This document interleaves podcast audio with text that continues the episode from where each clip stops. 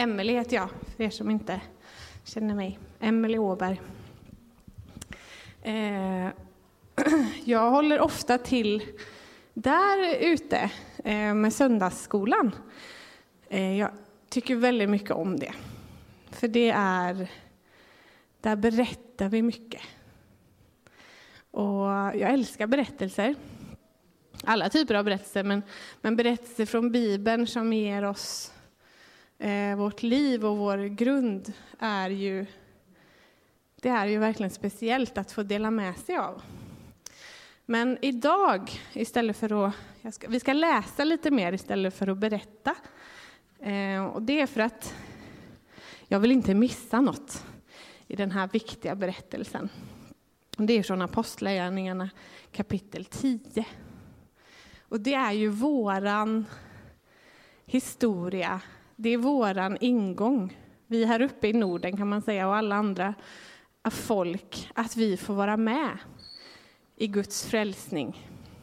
Faktiskt. Så det är mycket blickpunkter som vänder sig till det här kapitlet och Lukas som har skrivit Apostlagärningarna, han återkommer flera gånger till den här berättelsen. Eh, och vi ska läsa ifrån eh, Apostlagärningarna 10 och 9. Eh, och det som har hänt innan här, det är att Petrus, lärjungen som Jesus har kallat att leda den första församlingen, han är utsänd och befinner sig i en stad som heter Joppe. Och samtidigt så finns det en man som heter Cornelius, en officer vid den italiska vaktdelningen som leder arbetet där, som inte är jude, men som ber och som ger gåvor och som är uppskattad av det judiska folket och som tror på Gud och längtar efter Gud. Detta har hänt, att Cornelius har fått en syn från Herren. Eh, att han ska kalla eh, på Petrus. Mm. Och Petrus befinner sig i Joppe hos garvaren Simon. Vi återkommer till det. Så ska vi läsa ifrån vers 9.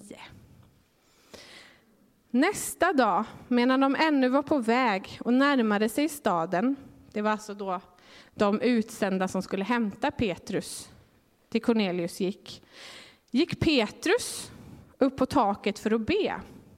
Det var vid sjätte timmen. Han blev då hungrig och ville ha något att äta. Medan man gjorde i ordning maten kom han i hänryckning. Han såg himlen öppen och hur något som liknade en stor linneduk kom ner. Fäst i sina fyra hörn sänktes den ner till jorden, och i den fanns jordens alla fyrfota djur och kräldjur och himlens fåglar. Och en röst kom till honom, res dig Petrus, slakta och ät. Petrus svarade, nej, nej, Herre, jag har aldrig ätit något oheligt eller orent. Då sa en röst för andra gången till honom, vad Gud har förklarat för rent ska inte du kalla orent. Detta hände tre gånger och sen blev duken strax upplyft till himlen. Medan Petrus undrade inom sig vad synen kunde betyda stod männen som Cornelius hade sänt vid porten. De hade frågat sig fram till Simons hus och nu ropade de och frågade om Simon, som kallades Petrus, var där som gäst. Petrus funderade fortfarande över synen eh, när anden sade till honom Se, tre män söker dig. Gå ner och följ med dem utan att tveka, för det är jag som har sänt dem. Petrus gick ner till männen och sa, jag är den ni söker. Av vilken orsak har ni kommit hit? De svarade, officeren Cornelius är en rättfärdig man som fruktar Gud och har gott anseende hos hela judiska folket. Han har fått en uppenbarelse, se en ängel, av en ängel att han ska skicka efter dig och höra vad du har att säga. Då bad Petrus dem stiga in och tog emot dem som gäster. Och sen så följer Petrus med, ser vi i de eh, kommande verserna. Han följer med hem till Cornelius hus och han talar om att jag som jude ska egentligen inte gå in här i det här huset hos er som inte är judar. Eh, men Cornelius berättar om sin syn och Petrus förstår att de längtar efter Gud. Och då börjar Petrus tal i vers 34 sen. Då började Petrus tala. Nu förstår jag verkligen att Gud inte gör skillnad på människor, utan tar emot den som fruktar honom och gör det som är rätt, vilket folk han än tillhör. Detta är det ord som Gud sände till Israels folk när han förkunnade frid genom Jesus Kristus. Han är allas Herre. Och ni känner till det som har hänt i hela Judeen med början i Galileen efter dopet om Johannes kunnande, Hur Gud smorde Jesus från Nasaret med den helige ande och kraft. Han gick omkring och gjorde gott och botade alla som var i djävulens våld. För Gud var med honom. Vi är vittnen till allt som han gjorde, både i judarnas land och i Jerusalem. De hängde upp honom på trä och dödade honom. Men Gud uppväckte honom på tredje dagen och lät honom visa sig. Inte för hela folket, utan för de vittnen som Gud i förväg hade utvalt. För oss som åt och drack med honom efter att han uppstått ifrån de döda. Och han befallde oss att predika för folket och vittna om att han är den som Gud har utvalt till domare över levande och döda. Om honom vittnar alla profeter och var och en som tror på honom får syndernas förlåtelse genom hans namn. Och nu kommer det. Och medan Petrus ännu talade föll den helige ande över alla som hörde ordet. De troende judarna som hade följt med Petrus häpnade över att den helige andes gåvor blev utgjuten också över hedningarna, eftersom de hörde hur de talade i tungor och prisade Gud. Då sa Petrus, ingen kan väl hindra att de döps med vatten när de har fått den helige ande precis som vi. Och han befallde att de skulle döpas i Jesu Kristi namn. Sedan bad de honom stanna i några dagar. Det var långt, men det, ibland är det viktigt att få ett sammanhang. Ja. Den här berättelsen är fylld av så mycket och den är mättad av så mycket. Det finns ju tro i den här berättelsen, mycket. Lydnad och bön, Andens närvaro, Andens tilltal och ledning. Jag skulle kunna kalla den här predikan för Gud gör vad han vill. Jag gillar det, och tänka så. Men med ett stort undantag, att han kan aldrig göra någonting som går emot hans egen natur. Det är just därför vi kan lita på hans ord. Och vi ska dyka ner i huvudsak i Petrus idag och hans syn. Vi ska följa honom på den här resan. Och under en längre tid har han befunnit sig i Joppe, hos den här garvaren. Och det är intressant, för redan här så befinner sig faktiskt Petrus i gränslandet till vad som enligt hans judiska tro och tradition och lag inte var helt okej. Okay. För en garvare arbetar med döda djur, vilket var orent enligt judarna. Men han hade ändå valt att stanna där som gäst. Och Bibeln kommenterar faktiskt inte det så mycket. Det är ganska intressant. Men, men vi ser hur Petrus är ledd av Herren och stannar där. Och jag tänker att under sin vandring med Jesus, den här intensiva perioden, så har ju Petrus redan sett hur Jesus har fördjupat lagen på det sättet att han säger att jag ska inte upphäva lagen, utan Jesus bara visar på Faderns intentioner med lagen, hans kärlek. Och han fullbordar den ju också. Um.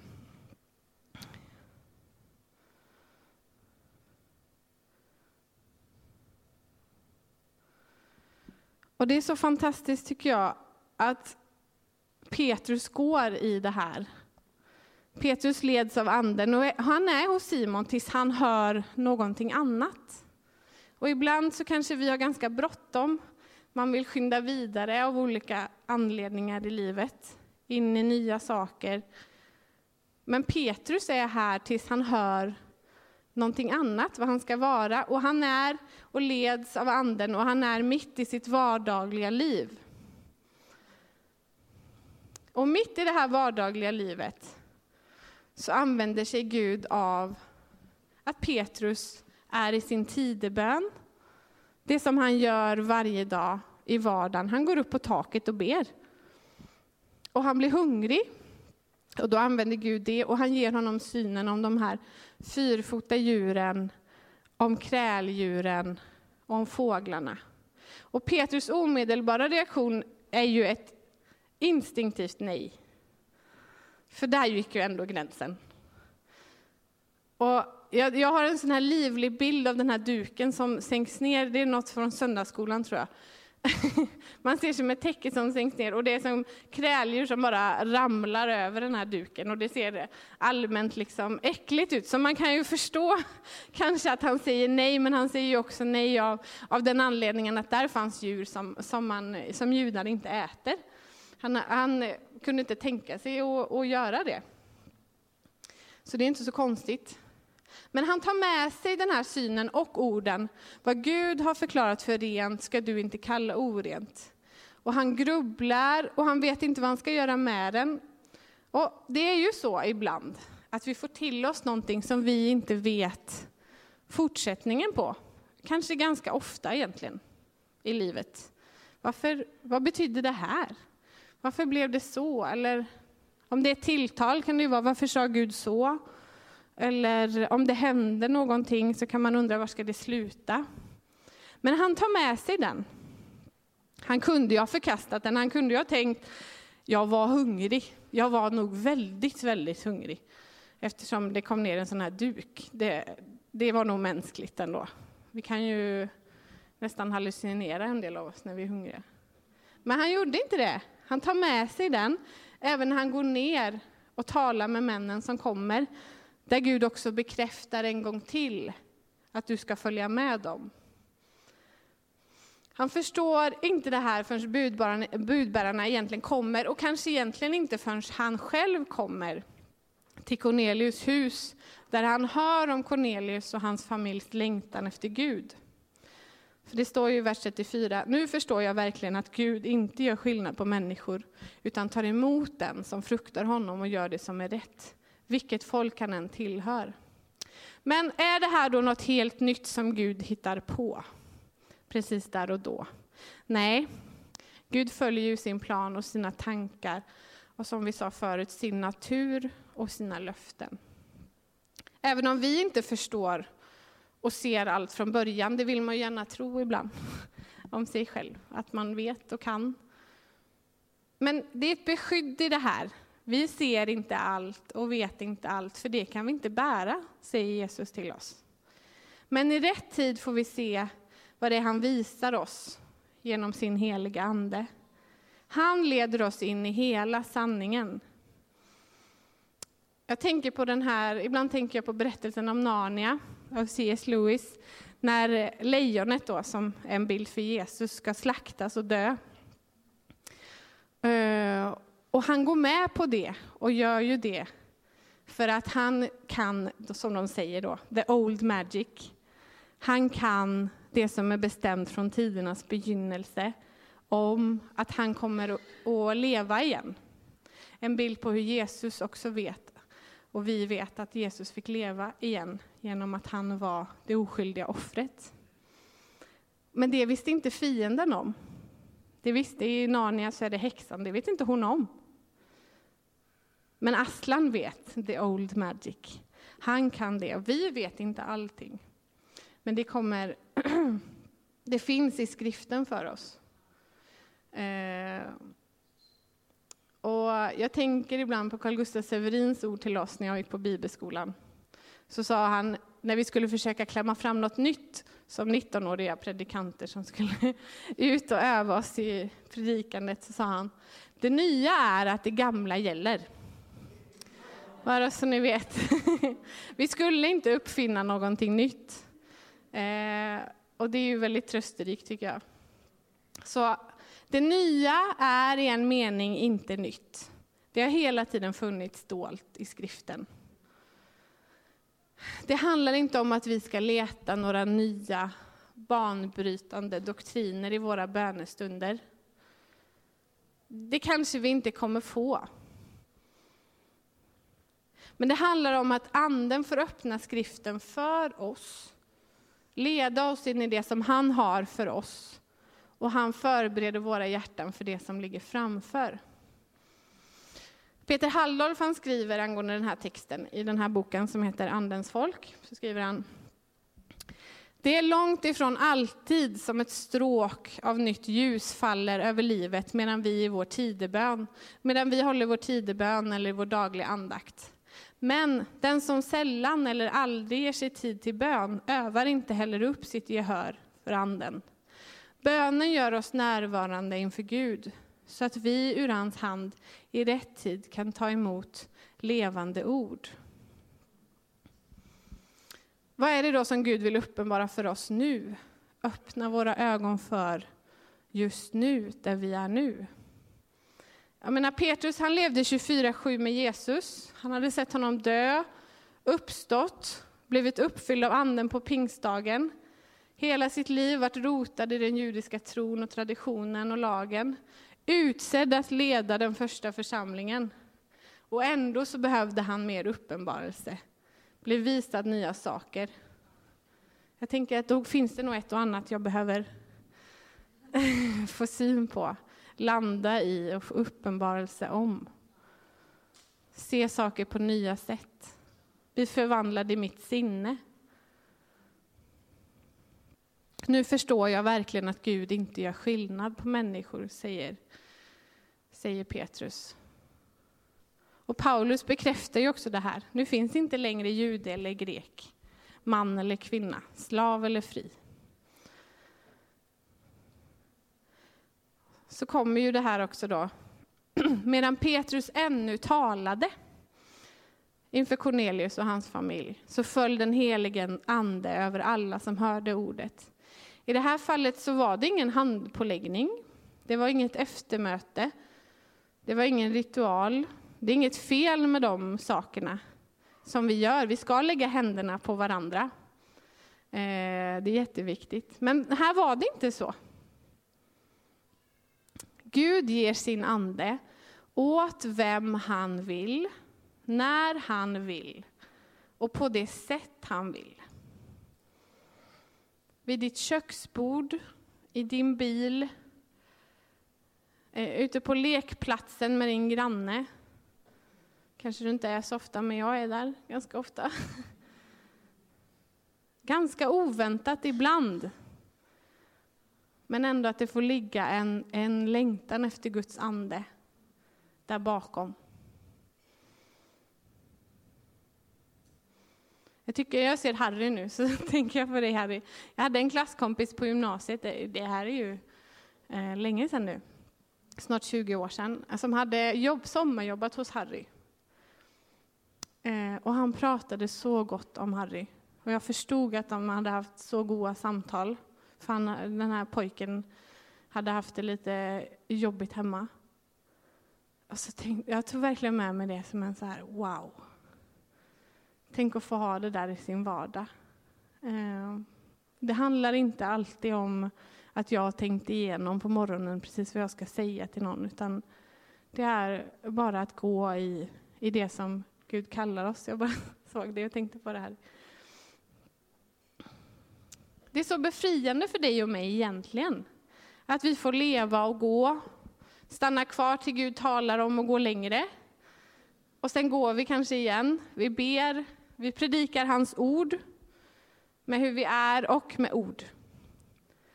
Och där, där kommer Guds ande. Eh, liknelsen som Jesus berättar om såningsmannen ger oss något av det här i sin inledning. Den handlar om en man som sår säd. Och, och det är en bild på Guds ord i det fallet. Eh, och I goda förhållanden så får den här säden växa till och ge skörd. Och så står det så här i början, så säger Jesus, en man gick ut för att så. Det står inte en man gick ut för att försöka se om det gick att så. Det står heller inte att han gick ut för att se om det den dagen passade bra att så. Han gick ut för att så. Eh, och det är där vi är, att vi får gå ut i det som Gud kallar oss till för att gå ut och så. Och genom att Petrus han tar till sig av synen och ordet från Gud så kan han gå till Cornelius hus och där öppnas evangeliet Inte bara för de som är där, utan för oss alla då. Eftersom det blev tillgängligt för oss som inte är judar den dagen.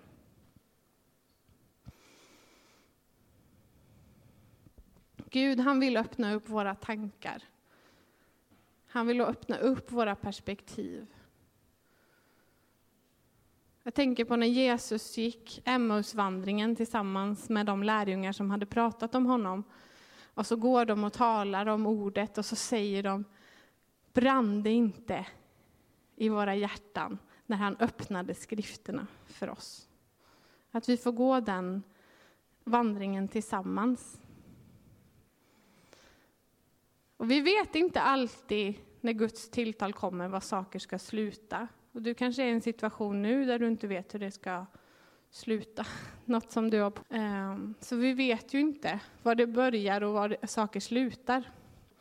För Gud han vill öppna våra tankar och våra perspektiv och se situationer och människor på nya sätt. Och jag tänker på hur Buck Hudson predikade här för oss om några veckor sedan. Om hur Israels folk, de, de gick i bergsbygden och de gick och gick. Eh, ända tills de fick ett tilltal om att nej men det var inte det här ni skulle göra, ni ska dra norrut, ni ska gå in i något nytt. Ni ska se nya saker. Eh, och de lydde det tilltalet. Och de intog ett nytt land. Och vi kan var och en fråga oss individuellt, vad finns det på den här duken för mig? Som Gud vill visa mig just nu. Vad är det han vill ändra mina tankar om, öppna upp något nytt för mig? Det kanske är någonting som har funnits med innan, som han vill visa på nytt. Att vi får fråga Gud, men vad är detta? För han lämnar oss ju inte i det. Han gav ju Petrus nya ord. Ja, men de här männen kommer, de ska du följa med. Han lät inte vara vid de här kräldjuren på duken, det fanns en fortsättning. Så var är du och var är jag i detta? Och det här gäller inte bara oss som individer utan också, också oss tillsammans, som ett vi, som Guds folk här. Vad finns det som Gud vill visa och ta oss in i, som församling, som Kristi kropp här i stan, som fristaden? Vad vill han visa oss? Vi har tillväxt som en av våra ord eh, i grunden. Vi vill vara en öppen kyrka för alla, till exempel. Ja, men visa oss då, Herre. Hur ska vi vara det? Ta oss vidare tillsammans. Att låta Herren tala till dig och använda dig bland dina syskon i kroppen. Så låt oss leva i ett lärjungaskap under en öppen himmel. Amen.